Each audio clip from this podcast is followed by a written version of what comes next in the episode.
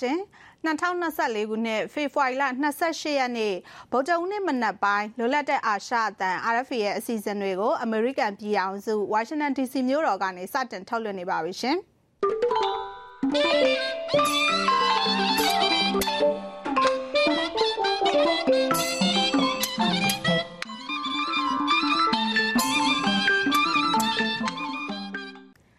ဝေမာထွန်းပါရှင်ဒီနေ့မနက်အစီအစဉ်မှာနောက်ဆုံးရသတင်းတွေနဲ့အတူစစ်ကောင်စီနဲ့ရုရှားအစိုးရကြားပူးပေါင်းလှုပ်ဆောင်တာတွေများလာတဲ့အကြောင်းတင်ပြချက်နဲ့ကရင်တိုင်းသားဘာသာအစီအစဉ်တွေကိုထုတ်လွှင့်မှုပြင်ဆင်ထားပါတယ်ရှင်သတင်းတွေကိုအရင်ဆုံးထုတ်လွှင့်ပါမယ်ရှင်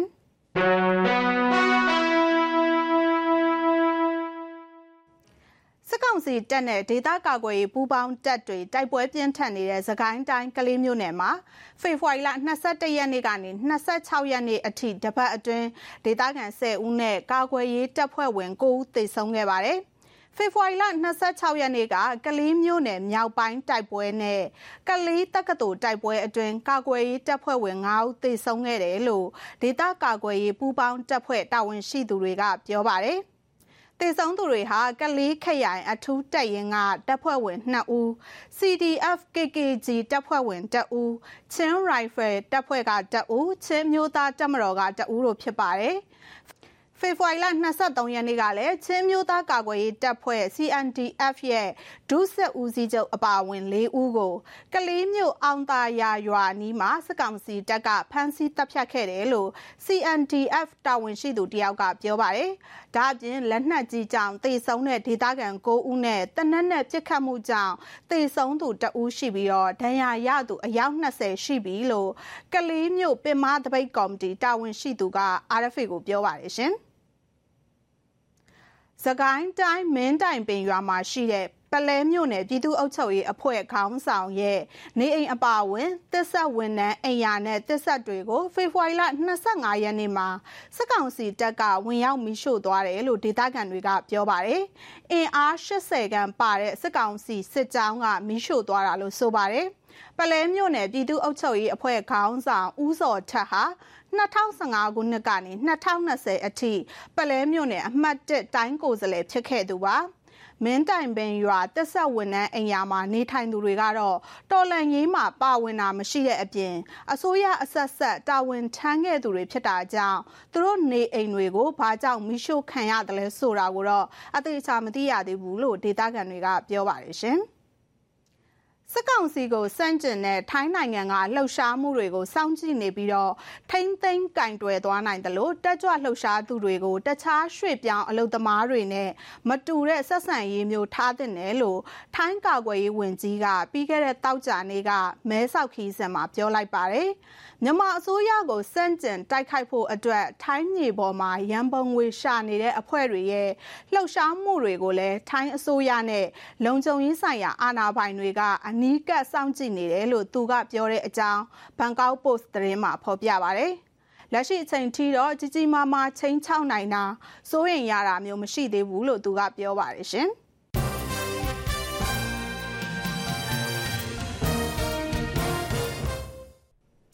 သတင်းတွေကိုထုတ်လွှင့်ခဲ့တာပါရှင်အခုဆက်လက်ပြီးတော့ဆက်သွယ်မေးမြန်းချက်တစ်ခုကိုထုတ်လွှင့်ပါမယ်စစ်ကောင်စီဟာတရုတ်အစိုးရအကူအညီနဲ့ရွေးကောက်ပွဲကျင်းပနိုင်မှုကြိုးပမ်းနေပြီးတော့တစ်ဖက်မှာလည်းရွေးကောက်ပွဲကိုလက်နက်နဲ့ချင်းချောက်ကျင်းပနိုင်အောင်စစ်မှုမထမ်းမနေရဥပဒေနဲ့တပ်သားသစ်တွေစုဆောင်းမှုလှုံ့ဆော်လာတာလို့နိုင်ငံရေးအကဲခတ်တအူဖြစ်တဲ့တရားလွှတ်တော်ရှေ့နေဦးကြီးမြင့်ကသုံးသပ်ပါတယ်ရွေးကောက်ပွဲကိုထွက်ပေါက်ဖြစ်အသုံးပြုလိုက်မယ်လို့သူကထောက်ပြပါတယ်ဦးကြီးမြင့်ကိုကျွန်မဆက်သွယ်မေးမြန်းထားပါတယ်ရှင်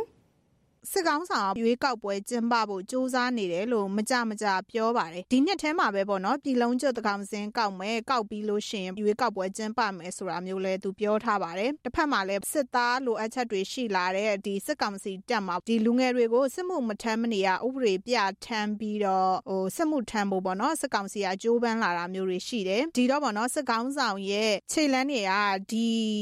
အတော်အတွင်းပေါ့နော်ဘလို့များရှိလာတယ်လို့ဆရာတို့ရှုမြင်ပါလဲရှင် အခုတရုတ်ယူနန်ပြည်နယ်အုပ်ချုပ်မှုရောက်လာပြီမင်းအောင်လိုင်းလည်းအခုဆွေးနွေးနေတယ်ရွေးကောက်ပွဲကိုအောင်ပြင်အောင်တရုတ်ကဝိုင်းကူးလိုက်မယ်ထင်တယ်မင်းအွန်လိုင်းကအခုတစ်လ9000 9000 9000လုံးနဲ့လူ6000ရအောင်တစ်နှစ်အတွင်းမှာစုမယ်ဆိုတာနဲတဲ့အာရင်ကိုအဲ့ဒါထိုးစစ်ပြန်စဖို့လုပ်နေတာခန့်စစ်ကလည်းထိုးစစ်ပြောင်းဖို့ရွေးကောက်ပွဲကိုအင်းနဲ့အားနဲ့တနက်နဲ့ချိန်လုံးမှာဒါကြောင့်မလို့ရန်သူဟာ2024မှာရန်သူကအကြီးအကျယ်လှုပ်ရှားမှာတော့သိကြတယ် ဟိုစကိုင်းမှာဆိုလည်းအရင်ရက်ဆက်တာပဲသူတို့ရဲ့အမူအရာတွေကတစ်ချက်မှမလျှော့ဘူးတကယ်လို့ပေါ့နော်စစ်ကောင်စီကဥဆောင်ပြီးတော့မြန်မာပြည်တွင်းမှာရွေးကောက်ပွဲကျင်းပမယ်ဆိုရင်တရုတ်အာဆီယံအပါအဝင်ပေါ့နော်ဟိုနိုင်ငံတကာရဲ့လှုပ်ရှားမှုတွေကရောဘလို့အခြေအနေတွေရှိလာနိုင်ပါသလဲရှင်ပြည်မကြီးထဲမှာတော့ရွေးကောက်ပွဲကိုဖြစ်အောင်လုပ်လိုက်အဲ့တော့2024မှာအဲ့ဒီ2025ရွေးကောက်ပွဲဖြစ်နေအောင်အင်းနဲ့အားနဲ့စူးစီးပြီးတော့တရုတ်ကလည်းကူညီပေးသဘောရှိတယ်။ဘာလို့တရုတ်ကဗမာကိုဒီမိုကရေစီရသွားမှာကိုတိတ်သဘောမကျဘူး။ အင်အားချိနေတဲ့အစိုးရမျိုးပဲတရုတ်ကလိုချင်။အဲ့အဲ့ဒါမှသူတို့စကားသူတို့ချီသူတို့လက်လုပ်နိုင်မယ်။အဲ့လို ASEAN လည်းပဲတရုတ်သဘောပဲ။အမေရိကန်လည်းသူ့သမရရွေးကောက်ပွဲနဲ့ရှုပ်ချက်တွေခတ်နေလှည့်မကြည့်နဲ့ဒီနေ့ကအဲ့လိုတရုတ်လက်တရုတ်ချီနဲ့ ASEAN နဲ့ရွေးကောက်ပွဲနဲ့သွားပြီးတော့အဲ့ဒီဟာဖြစ်မဟုတ်တဲ့မင်းအောင်လည်းအခုတလလူ9000 9000နဲ့လူ6000စုမှနော်စစ်တပ်ကြီးတစ်ထပ်ထပ်ထုတ်ထုတ်သလိုပဲအဲ့ဒါကြီးကိုအာဘာမှမဟုတ်ပါဘူးကွာဆိုအဲ့လိုလွယ်လွယ်ပြောလို့တော့မရဘူးတနတ်ရှိတယ်ငွေရှိတယ်သူတို့မအာနာရှိ အဲဆရာပြောသလိုပဲပေါ့နော်ဒါတရုတ်အစိုးရရဲ့လွှမ်းမိုးချုပ်ကင်မှုကမြန်မာပြည်တွင်းမှာဆိုရင်အားကောင်းတယ်အခုဆိုရင်ပေါ့နော်ဒါတရုတ်အစိုးရရဲ့ညှိနှိုင်းမှုနဲ့ရှမ်းပြည်နယ်မှာဆိုရင်လည်းဒါတက်ဆယ်နှစ်ဆက်ကွန်ဆက်စင်ရေးဟာတိုင်းသားလက်နက်ကင်ဖွဲ့တွေကပေါ့နော်ဒါအလုံးစုံလက်ခံတာမျိုးမဟုတ်ဘူးဆိုပေမဲ့ငြိမ်ကျသွားတဲ့အခြေအနေမျိုးတွေရှိတယ်ရခိုင်မှာပဲပေါ့နော်တိုက်ပွဲတွေကဆက်ရှိနေတာမျိုးတွေရှိတယ်ဒီတော့ဆိုလိုချင်တာကတော့ပေါ့နော်တိုင်းသားတွေဘက်ကကောဒါတရုတ်ရဲ့လွှမ်းမိုးမှုကိုဒီနှစ်အတွင်းမှာပေါ့နော်ထိုးဖောက်နိုင်မဲ့အလားအလာကောရှိနိုင်မလားဒီအပိုင်းမှာရောဘယ်လိုများမြင်ပါလဲရှင်ကရားလွတ်မြောက်သွားမယ်ဒါမလို့ကရားခွဲထွက်မသွားဘူးတေးကြတယ်ဘယ်ပြည်နယ်မှခွဲမထွက်ဘူးစစ်အာဏာရှင်မပြုတ်ဖဲနဲ့သူတို့လည်းမလုံခြုံဘူးဒါကြောင့်မလို့သူတို့ဆရာတို့နဲ့ခွဲထွက်မသွားဘူးချင်းလွတ်မြောက်မယ် KIA လွတ်မြောက်လာမယ်အများကြီးကရင်ပိုးပြီးတော့လွတ်မြောက်လာမယ်ရခိုင်ပိုးလွတ်မြောက်လာသို့တော့ဘာဖြစ်လို့ရခိုင်ကခုဆက်အောင်မြင်နေမှုတွေစက်တိုက်ရပြီးတော့ရခိုင်စစ်မျက်နှာပွင့်နေလဲဆိုတရုတ်ကအိန္ဒိယကိုထိန်းရင်လို့ AU မြောက်ပေးတာအိန္ဒိယကကရဒန်ကနေပြီးတော့စစ်တွေကိုဖောက်ပြီးတော့ပိုဖောက်ထွက်မှာဆိုလို့တရုတ်ကသူနဲ့အပြိုင်ဖြစ်မှာဆိုလို့အိန္ဒိယကိုသတ်တာ AU အောင်မြင်မှုတွေလောက်ဝိုက်တိုက်ပေးနေတာဒီကရဒန်မြကြီးကို AU ရစိုးမိုးထားပြီးတော့ထိန်းထားနိုင်ပြီဆိုရင်ရခိုင်ပြည်နယ်တစ်ခုလုံးကိုမဟုတ်စစ်တွေလောက်သိမ်းပြီးပြီးဟိုဘက်ကိုသိမ်းနိုင်ဖို့တော်တော်ခက်သွားပြီ RFA ကဆက်လက်ထုတ်လွှင့်နေပါတယ်ရှင်။ယူကရိန်းကျူးကျော်စစ်နောက်ပိုင်းရုရှားခေါင်းဆောင်ဗလာဒီမီယာပူတင်နဲ့မြန်မာစစ်ခေါင်းဆောင်တို့ဟာပို့ပြီးတော့နီးကပ်တဲ့မိတ်ဆွေတွေအဖြစ်ရောက်လာတယ်လို့နိုင်ငံတကာအရေးလေးလာသူတွေကပြောပါတယ်။ယူကရိန်းစစ်ပွဲနောက်ပိုင်းမြန်မာနဲ့ရုရှားနှစ်နိုင်ငံကြားပူးပေါင်းဆောင်ရွက်မှုတွေတိုးလာတဲ့အကြောင်း RFA သတင်းတောက်လူနာဖန်ရေးသားထားတာကိုကိုရဲကောင်မြင့်မောင်ကတင်ပြထားပါတယ်ရှင်။မြန်မာနိုင်ငံကိုဆိုးရွားတဲ့ပြည်တွင်းစစ်စီဥဆိုင်ကြသွားစေတဲ့ 2021ခုနှစ်ဖေဖော်ဝါရီလစစ်အာဏာသိမ်းမှုအပြီးတလကြာမှာစစ်ကောင်းဆောင်ဗိုလ်ချုပ်မှုကြီးမင်းအောင်လှိုင်ကရုရှားသတင်းစာတစ်စောင်နဲ့ရှားပါအင်တာဗျူးတစ်ခုပြုလုပ်ခဲ့ပါတယ်။အဆိုပါအင်တာဗျူးမှာသူက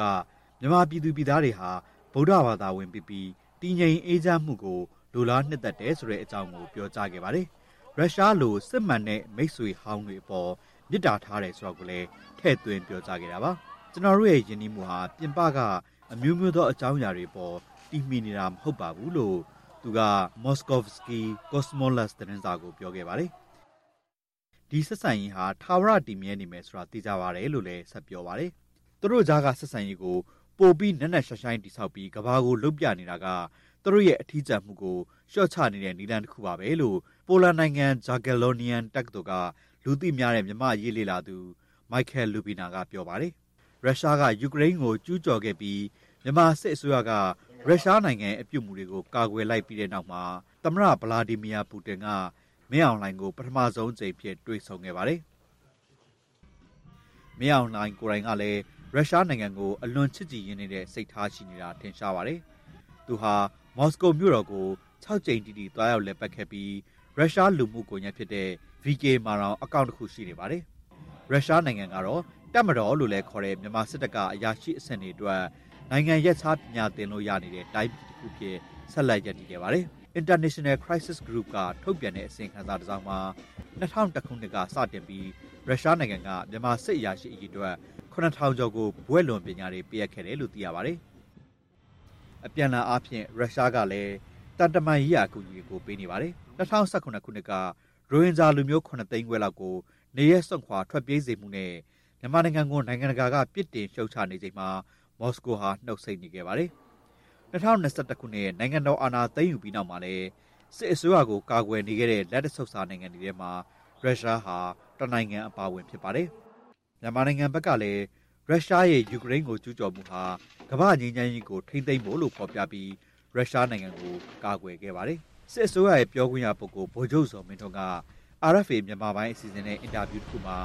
အဆိုပါကျူးကျော်မှုဟာပထမဆုံးအချက်အနေနဲ့ ရုရှားနိုင်ငံရဲ့အချုပ်အခြာအာဏာကိုခိုင်မာကျက်လက်အောင်ပြုလုပ်တဲ့ကြိုးပမ်းမှုတစ်ခုလို့မြင်တဲ့အကြောင်းပြောဆိုခဲ့ပါတယ်။ဒုတိယအချက်အနေနဲ့ရုရှားနိုင်ငံကကမ္ဘာငြိမ်းချမ်းရေးကိုထိမ့်သိမ်းဖို့ပါဝါမျှခြေဖြစ်အောင်ဆောင်ရွက်နေတယ်ဆိုတာပြသလိုက်တာပါပဲလို့လည်းသူကပြောသွားပါတယ်။ RFA ရဲ့အစီအစဉ်တွေကိုကြည့်ရှုနေရတာပါရှင်အခုနောက်ဆုံးအနေနဲ့ကရင်တိုင်းသားဘာသာအစီအစဉ်ကိုထုတ်လွှင့်ပါမယ်ကရင်ပြည်နယ်ကထူးခြားသတင်းတွေကိုမြန်မာစာတန်းတို့နဲ့ကြည့်ရှုနိုင်ပါတယ်ရှင်။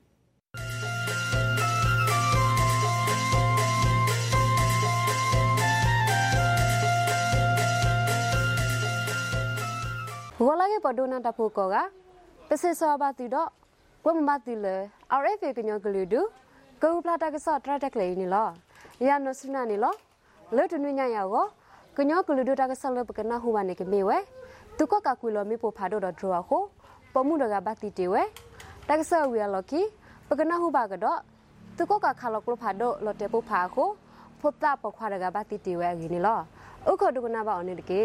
တုကကအတူကီလိုမီပိုဒဒရွန်ခိုပမှုဒရာဘတိတဝဲလာဖဝတ်စီခူဒနီကိုခေါ်ရနာရဘလအဆက်တော်နေကီအနီကညဒကလူဆဘဂရဒူပလာယာကောရီဝရကောဆာလွတ်ရှာတဝဘူးသူနေစုတဆရကမောဝဂလီကလဖတ်တို့အတူအမတ်တတရရတစီယသူရအပေါ်ဖာကွီလိုတေဝမေပိုဒဒရွန်ဖာခိုနော်ကော့ကောအကိုတခိဘတ်တို့တေဝဒကလဖတ်တို့အခီတော့ဘတိတဝဲကေ KNU တူရပါဖလာခါဝနေလောင်မူနီအဝနေကိုခေါ်နွေးနာရဘလအဆက်တော်စီကော သူကကဝဂလီအမတ်ဒတရယတစီယသူရီအပတ်ဖာဟက်ကွီလကတော့မေပိုလေဒရိုဟိုလော့တက်ဘူဖတ်တီဝဖဲ KNU ဝရကောစာစမ်ကြကျေးရွာနော်ဆဘေအရောဘတ်ကလပ်ဘူခိုနော်ဆဘေဘဒိုတီဝဒကလပ်ဖတ်ဒိုအခလီတိုအရောဘတ်တီရတက်တူနော်ဘာဟာဂတီဝအဂင်းလောတတ်ဒုကက်တော့အဘစာတုကကအတူတဖာခါလောနာဆိုကလပ်ဖတ်ဒိုတဖာဆူဒူတဝတ်ဖာဘူတကဘာကွီလောမေပိုတော့ဒရိုတဖာခဲခဲအဂေ KNU ဒူဘလာယာကောရီတကဆောတော့တဘူဘာလောပပလာဝနေလောတုကကခါလောကလပ်ဖတ်ဒိုအခလီလော့တက်ဘူဖာခိုဖိုတာရကဘတီတီဝဲဖဲလာဖေဗရီခီစီရတော့အနေနဲ့ KNI ကညော့တကလူစပုဂရကလူချူကောရဆော့တီကောစာကောမက်တူတော့အဘူးတုကကခေါကလက်တူရီခလာယာခိကရခုစီလီအပွားလဲအစောလောအတာလဲပင်စလိုတဖာခါလိုတီဝတ်ကရခီစီမမကလပဒိုအခလီတပလလော့တက်ဘူဖာတီဝဖဲ စော့ကက်ထူတော့နော်ဆဆမြတဖာအဟိဂရဘူးအခုအဝတ်တိအဖို့ခွာစော့တက်ဒိုလဲအတန်ကိုခွီနီတကဘာဒိုတီဝတ်တော့ကလပဒိုအခုဘာတီတီဝဖဲအလော့တဘလခော့ကေ KNU ထူတော့ပါဖလာကဝနေလောအပုကွေလာဖဲဝါရီကီစီကီတော့အနိစီကခမယာကီစီအပေါ်ဖာခါလော့တီဝဲတကယ်ကီစီမမကလဖာဒိုအခလစ်တပ်ဖလကီစီတတော့အနိစီကခမယာကီစီတော့ခလာယာကီကီခူစီလူအပေါ်ဖာခါလော့တီဝဲတကယ်ကီစီမမကလဖာဒိုအခလစ်တစီခွိဖလဆူရွှေကုန်းတော့ချုံအင်တော်ဘူးရေကီအန်ယူထူတော့ပါဖလာခါဝနေလောတုက ကအတူတပါခါလော့ကလဖာဒိုအခလစ်ခုဘယ်လာဖဲဝါရီကီစီတော့အနိနေကီအန်ယူကလဂျူကိုရီစော်တီကောစာတောင်ခေတဝအပူတော့ခပြတ်တဖလက်တော့ခီစီကီတော့အနိနေနတ်တကွင်းဝေဘူးကမလက်တဖာဟိသက်ဖလက်ဘာဟာကိုတီဝဲတော့တုကကအတူတဖာကွီလိုမေပိုတော့ဒိုတဖာကိုတောင်းရင်တော့အပူတော့ပိုတဖာဟိခိပလက်တော့ကလော့တက်ကူတဖလက်မေဝဟာကိုကွီဝဲနေလောဖဲလာဖဝါခီစီတတော့အနိစကောတုကကအတူတဖာခါလော့တီဝဲကလောဖာဒိုအခလီသက်စီခိပလက် လော့တက်ပိုဖာတီဝဲကိုနတ်တကွင်းတော့အပူလောပိုတဖာဟိခိစီခေါပလက်မေဝဟာကိုကွီဝဲနေလောခီစီလူတော့အနိစကောတုကကအတူလဲအစောလောအတာဖဲကုန်းကြောဝတ်ဖာခါလောတေကတော့ကလပဒိုအခလီခီစီရဖလက်ကိုနတ်တကွေဝေဘူးလောကဖို့ပါဟီခူဖလက်မေဝဟာဝကွေဝဲကေကဲနူလခတာကဆောထူတော့ပါဖလာခါဝန်လေလောသူကခါလောတာတော့ကလပဒိုကိုတဘဒိုဘချီတော့တဟာကူဟာကိုအိုကေတင်ညာပါစာအာရဖေတပါမလော်တီော်တနေဒီပါနေလောဘတ်ထွက်ကနေအတထူတော့ပါဖလာဖကိုအာရဖေဆက်လော်တဆိုတော့သူက ကပတ်တဲရပသူကကလေဝဂီဇော်မီထိုဘာစာတတူလို့စီဆဲဝဲပါနေလောဒေါ်ပွဲဘဒိုနာတဖို့ခလက်တေတီကလဲတနွညယာကို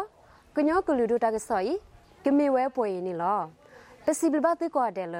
သူခေါ်ဒုကနာပါပထရတက်လေနေလောမောတိဘမကောတယ်နေကေ